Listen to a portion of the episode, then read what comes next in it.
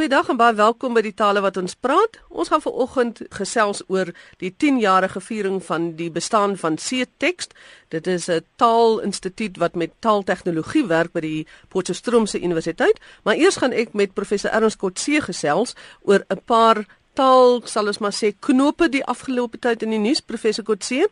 Ja, goeiemôre. Môre in Wagtelien is lekker om weer met jou te gesels. Ja, en ek gaan jou sommer voorstel as die taalguru of die taalman of die taaladviseur, want uh, jy is by so baie dinge betrokke wat met taal te doen het en jy is ook vir ons 'n adviseur hierso by RSG. So 'n woord wat nogal die afgelope tyd baie in die nuus voorgekom het, na aanleiding van hierdie aardbewing wat by Okni was, is die woord foutlyn. En toe daar 'n hele debatjie ontstaan oor wat moet 'n mens nou in Afrikaans sê? Is foutlyn korrek? Dit is nou vir die Engelse fault line. Ja, of hoe ja. sal 'n mens dit in Afrikaans gebruik? Magdalene, dit is maar 'n direkte oorklanking van die Engelse fault line. Ek het 'n bietjie met my geologie kollegas reggespraak gevoer en Hulle gebruik die twee woorde breuk of verskuiwing in plaas van lyn. En uh, volgens professor Isak Rust wat destyds by UPE was en nou Franshoek woonagtig is, uh, is die is dit nogal interessant dat in die in die suidelike deel van die land praat hulle van 'n breuk en in die noorde van 'n verskuiwing. En uh, verskuiwing word nou lyk dit vir my ook in in die geologie opnames se woordelys dit was voorkeur aangegee, maar dit is dit 'n uh, uh, breuk uh, en en verskuiwing wat om die beurt gewerk. Ek dink 'n mens kan praat van afhangende van dimensie, jy weet van die verskynsel van 'n breukvlak of 'n breuklyn. So een van die twee is is moontlik. 'n Breuk is is is ek dink 'n uh, verstaanbaarder konsep as 'n verskuiwing en mense weet nie altyd wat word met verskuiwing bedoel nie, maar as 'n breuk weet jy daar's ergens iets jy weet stukkend onder die aarde. En omdat die vir die verskynsel nou nie net eendimensioneel is nie, hy loop nie net, jy weet, oor die oppervlakte nie. Hy trouens baie dikwels diep onder die aarde en hy hy raak nooit aan die oppervlakte nie. Dit gebeur baie dikwels glo. Is die woord vlak eintlik lyk dit vir my vir die geoloog die mees aanvaarbare ding. So as jy praat van 'n breukvlak sou dit die mees korrekte Afrikaanse weergawe wees van fault line in Engels. As jy praat van die afstand oor die oppervlakte, jy weet van die aarde van waar tot waar dit voorgekom het, sou dit nie verkeerd wees om te, om te praat van 'n breë lyn wat loop van sê maar die Groot Skeurdal of Slengdal in Afrika wat tot by ons gestrek het. Dit maak vir my baie sin want ek sien in 'n grafika wat hulle in die koerant gehad het na die aardbewing, het hulle so aan die regterkant van Afrika was daar so 'n breuklyn van bo ja. na onder om te wys hoe dit skuif. So dit dit, dit maak dan vir my as 'n mens kyk na wat in die geografie gebeur, sin om in Afrikaans van 'n breuklyn te praat. Ja, ja. So foutlyn is uit. Ja.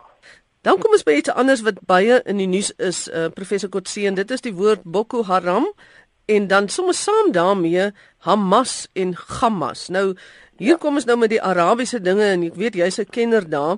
Boko Haram en Hamas Hamas. Verduidelik vir ons hoe werk die uitsprake, die G en die H klank. Ja, ja. Kyk, die twee woorde is natuurlik albei van Arabiese herkoms, maar Boko is is nie 'n Arabiese woord nie, dit is 'n Hausa woord eintlik. En die sprekers van daardie deel van Nigerië en ook Mali wat almal behoort aan aan hierdie beweging Boko Haram is oor die algemeen of dink ek deurgaans Hausa sprekers maar hulle het natuurlik omdat hulle 'n islamitiese bevolking verteenwoordig baie baie leenwoorde uit uit Arabies wat hulle gebruik. Onder andere haram en uh, miskien moet jy net dadelik sê die h wat ons hier aantref is nie regtig 'n g nie maar is ook nie h soos ons hom ken nie. Hy lê tussen die twee. Dit is eintlik 'n baie sterk met 'n keelklank uitgespreek eh, 'n uh, h wat met 'n met 'n sterk keelklank uitgespreek word.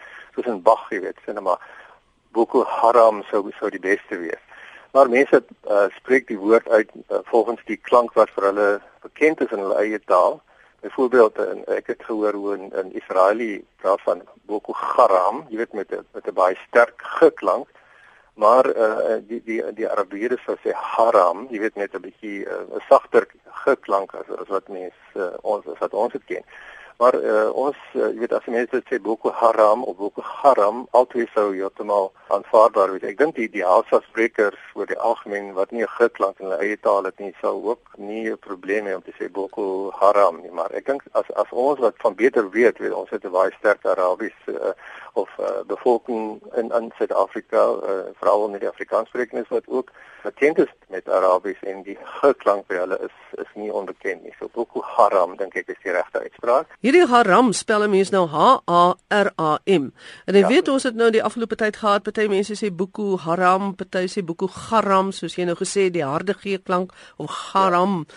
Maar dan kom 'n mens by 'n plek so sê net maar RSG waar ons nou die nuus het en onderhoude daaroor het. Dan is dit vir ons noodsaaklik om eenvormigheid te kry. En ja, dan besluit ja. ons en ons sê goed, dis nou die verskillende maniere wat ons uitgevind het, uh hoe dit gespel en hoe dit uitgespreek word. Ja. Dis verskillend, maar ons gaan nou een vat. En toe het ons gesê, goed, ons praat nou van Boko Haram. Is dit dan korrek? Weet jy, ek dink dit kan tot tot ehm um, verwarring lei omdat die die klem eintlik op die tweede deel of die die tweede A is is 'n lang A uh, ons het in, Af in Afrikaanse woordelys en spelreëls ook die woord garam, G A R A A M wat die teenoorgestel is van halal. Dan word wat verbode is teenoor dit wat wat goedgekeur is en wat erken word.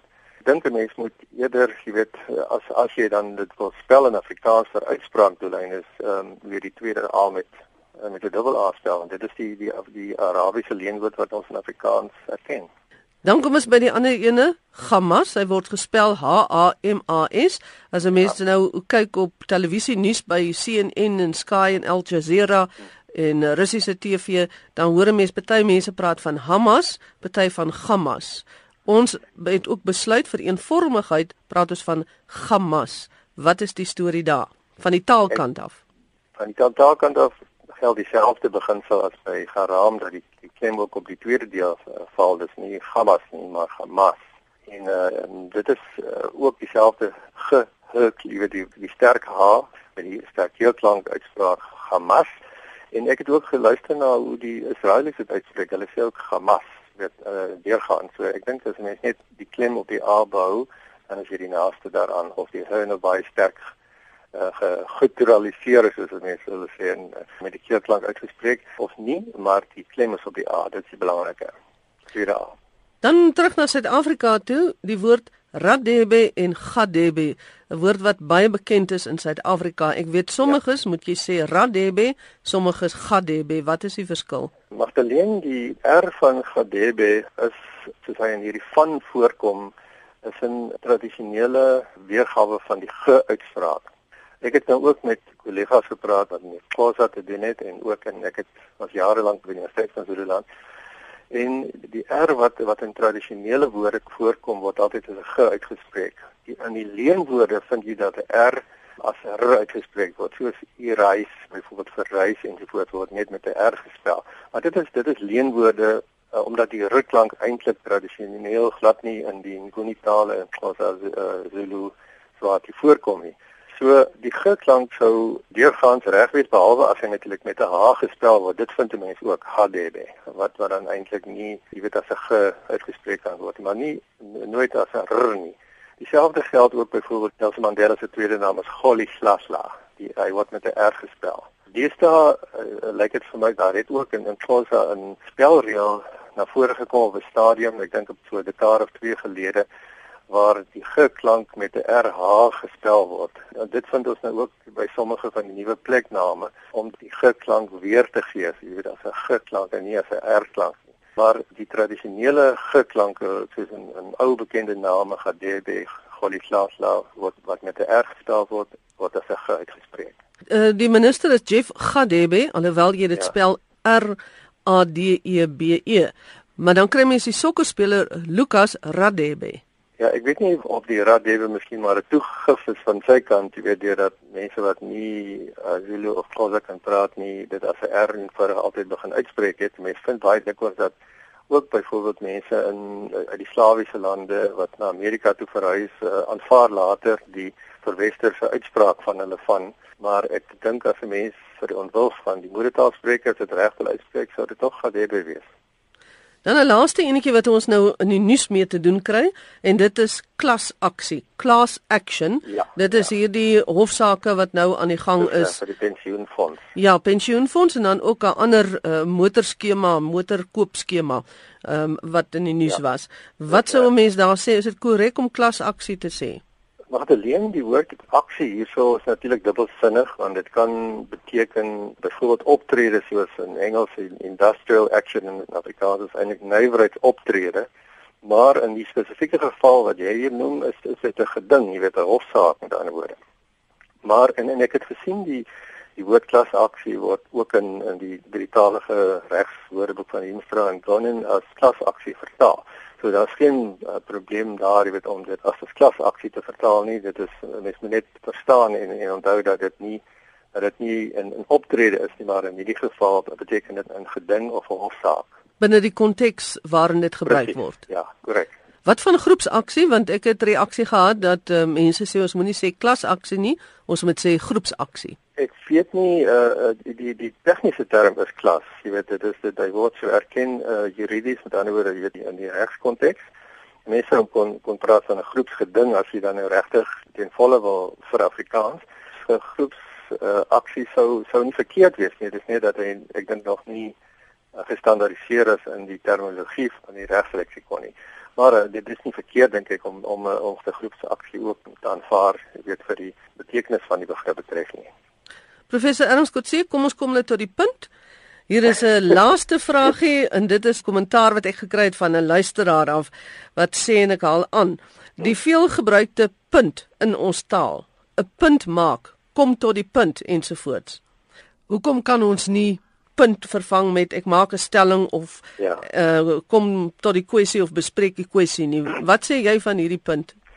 Weet jy maar alleen 'n uh, punt word in Afrikaans gebruik in baie verskillende soorte toepassings. Punt van orde om 'n punt te opper en so voort. Ja, daar's soveel verskillende betekenisse. Punte wat jy nodig het om eksamen deur te kom en so voort. Maar ek dink wat die luisteraar wel klaar, dink ek is die feit dat dit soms gebruik word as 'n direkte weet vertaling, 'n woordelike vertaling uit die Engels come to the point byvoorbeeld, né?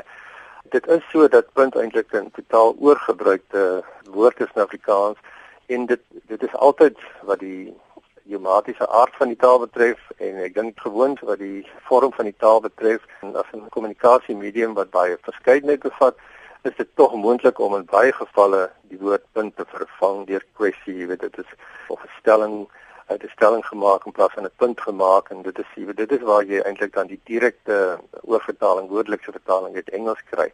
En mense is deesdae nie meer so sensitief vir die, die direkte woordelike vertaling uit Engels nie. En dan besef hulle nie maar hier is ons ek weet oorklanke amper van van die Engels na die Afrikaans waar ons 'n idiomatiese Afrikaanse ekwivalent het. En dit is heeltemal korrek. Ek dink 'n mens moet op 'n stadium 'n klompie uitdrukkings met punt probeer stel teenoor of andersom dan die Afrikaanse ekwivalent stel teenoor hierdie uh, verengelde punte wat wat baie dikwels ons daar in ons taal insluit. Regtig waar, ek dink 'n mens moet sensitief wees daarvoor. Uh, punt is nie is nie 'n onbekende woord natuurlik en uh, is 'n baie algemeen gebruikte woord, maar daar is gevalle waar dit regtig waar beter sou wees om die woord kwessie of stelling ensovoorts te gebruik in die plaas daar in plaas daarvan. Goed, ek sal nou nie 'n punt daarvan maak om te luister en toe te pas wat jy gesê het nie. Ek sal dit ter harte neem. Ek fyn. Baie dankie. Dit was aan professor Ernst Kotse. Hy's 'n taaladviseur en ons het probeer 'n bietjie riglyn te gee in die uitspraak van sommige van die woorde wat ons deesdae baie in die nuus hoor. En nou gaan ons na 'n baie gelukkige partytjie toe. Dis die 10-jarige vieringe van die bestaan van C-Text. Dit is by die Potchefstroomse kampus van die Noordwes Universiteit waar hulle sulke wonderlike dinge met taal en tegnologie doen. En ons praat met Dr. Roald Eiselin, hy is die hulpbronontwikkeling bestuurder by C-Text. Vertel vir ons, waar het julle begin en waar is julle nou? Ja, dit is 'n lang pad wat ons nou al stap van 'n baie eenvoudige begin af waar ons in die begin een voltyds en drie deeltydse personeel was wat uh, aan die Afrikaanse speltoetser gewerk het om die bietjie te verbeter het ons nou gegroei oor 10 jaar tot 15 voltydse mense wat op verskeie projekte wat met taal en tegnologie en rekenaars werk en ons is baie opgewonde oor beide dit wat ons al reeds gedoen het en dit wat in die toekoms uh, vir ons voorlê. Verduidelik net vir ons 'n bietjie taaltegnologie.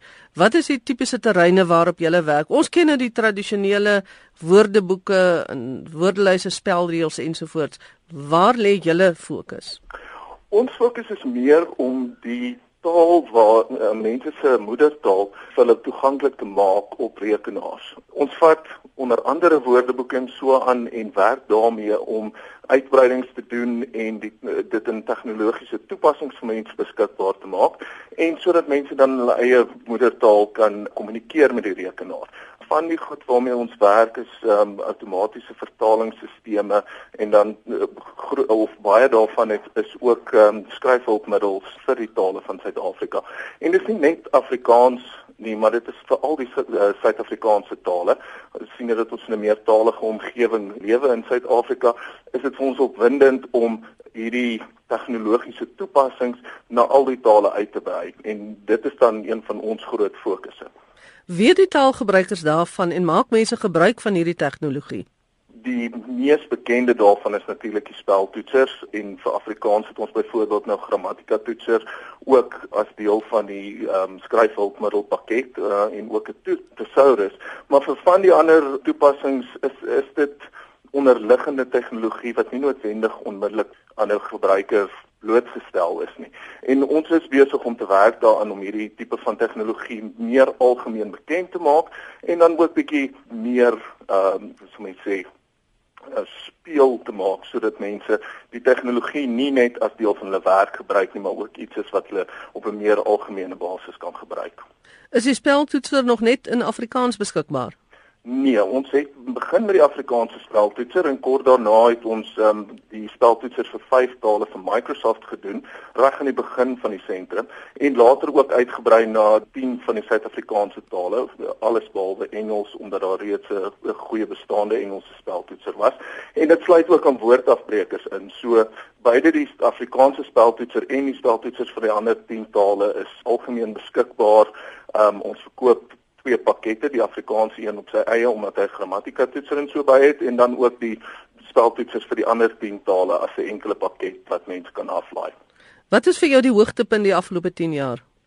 Dink dat die samewerking tussen ons en die departement van kuns en kultuur wat baie befondsing vir ons gee om te begin om masjienvertalingsstelsels vir Suid-Afrikaanse tale te bou is is een van ons hoog groot hoogtepunte. Ons is het reeds vier stelsels afgelewer en ons is besig om te werk om dit meer algemeen vry te stel en dit is ook 'n oop bron en vrylik beskikbare stelsel wat dit beteken dat daar nie um, betaling by betrokke is om die stelsels te gebruik nie wat hopelik die hoeveelheid gebruikers wat daar gaan wees in die toekoms sal uitbrei.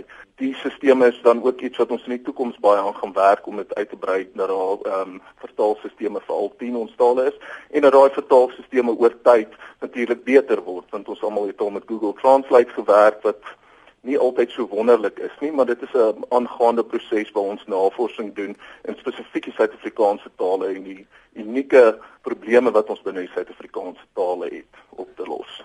Jy het nou genoem van julle samewerking met die departement. Uh ek dink dit is seker 'n baie belangrike ding dat die regering of die staat dan uh betrokke is en dit ondersteun en die waarde daarvan besef. Ja, ehm um, en ek ek moet sê die die departement is al vir vir 'n paar jaar lank nou betrokke met die tipe werk wat ons hier doen. Ook by ander instansies en universiteite is daar ondersteuning wat hulle vir die taaltegnologiese toepassings het. En ons is nie net afhanklik nie, maar in 'n samewerkings uh, ooreenkoms met die departement om dit so wyd as moontlik beskikbaar te maak aan soveel as moontlik mense. Dit is dan ook hulle wat ehm um, dryf dat die toepassings vrylik beskikbaar word en hulle is ook een van ons groot toetsgebruikers. So as ons nuwe stelsels bou dan rol ons dit na die departement toe uit en hulle verifieer die werk en werk self met die programmatuur wat hulle dan ook befonds het. Dit sal dan natuurlik ook baie goed wees vir die nuwe taalwetgewing waar die verskillende departemente meertaligheid moet bevorder en ons hoop om daarmee saam te werk in die toekoms ook. Watter revolusionêre verdere ontwikkelinge werk julle aan? Groot ding vir ons is soos ek reeds gesê het, die die masjienvertalingsstelsels om dit so wyd as moontlik um, beskikbaar te maak. Maar daar sal ook ehm um, toepassings wees wat ons op 'n redelike vry basis aan mense sal wil voorhou binne veral die selfoon toepassings aangesien dit konstant by mense is en dit 'n baie goeie en maklike manier is vir mense om van hierdie toepassings te gebruik.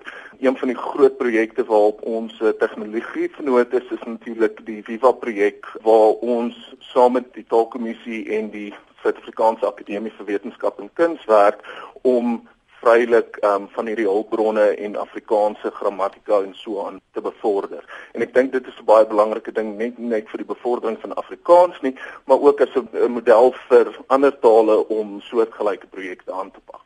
Dit was dan Dr. Roald Eiselin, hulpbronontwikkelingsbestuurder by Ctext, en ons het gesels oor die 10-jarige bestaan van Ctext. Dit is 'n departement wat werk met taaltegnologie. En ons is wonderlik om te sien hoe die taaltegnologie ook vir Suid-Afrika in die meertaligheidsopset sal kan help. Dis aan al van vandag se tale wat ons praat. Groete van my Magdalene Creer.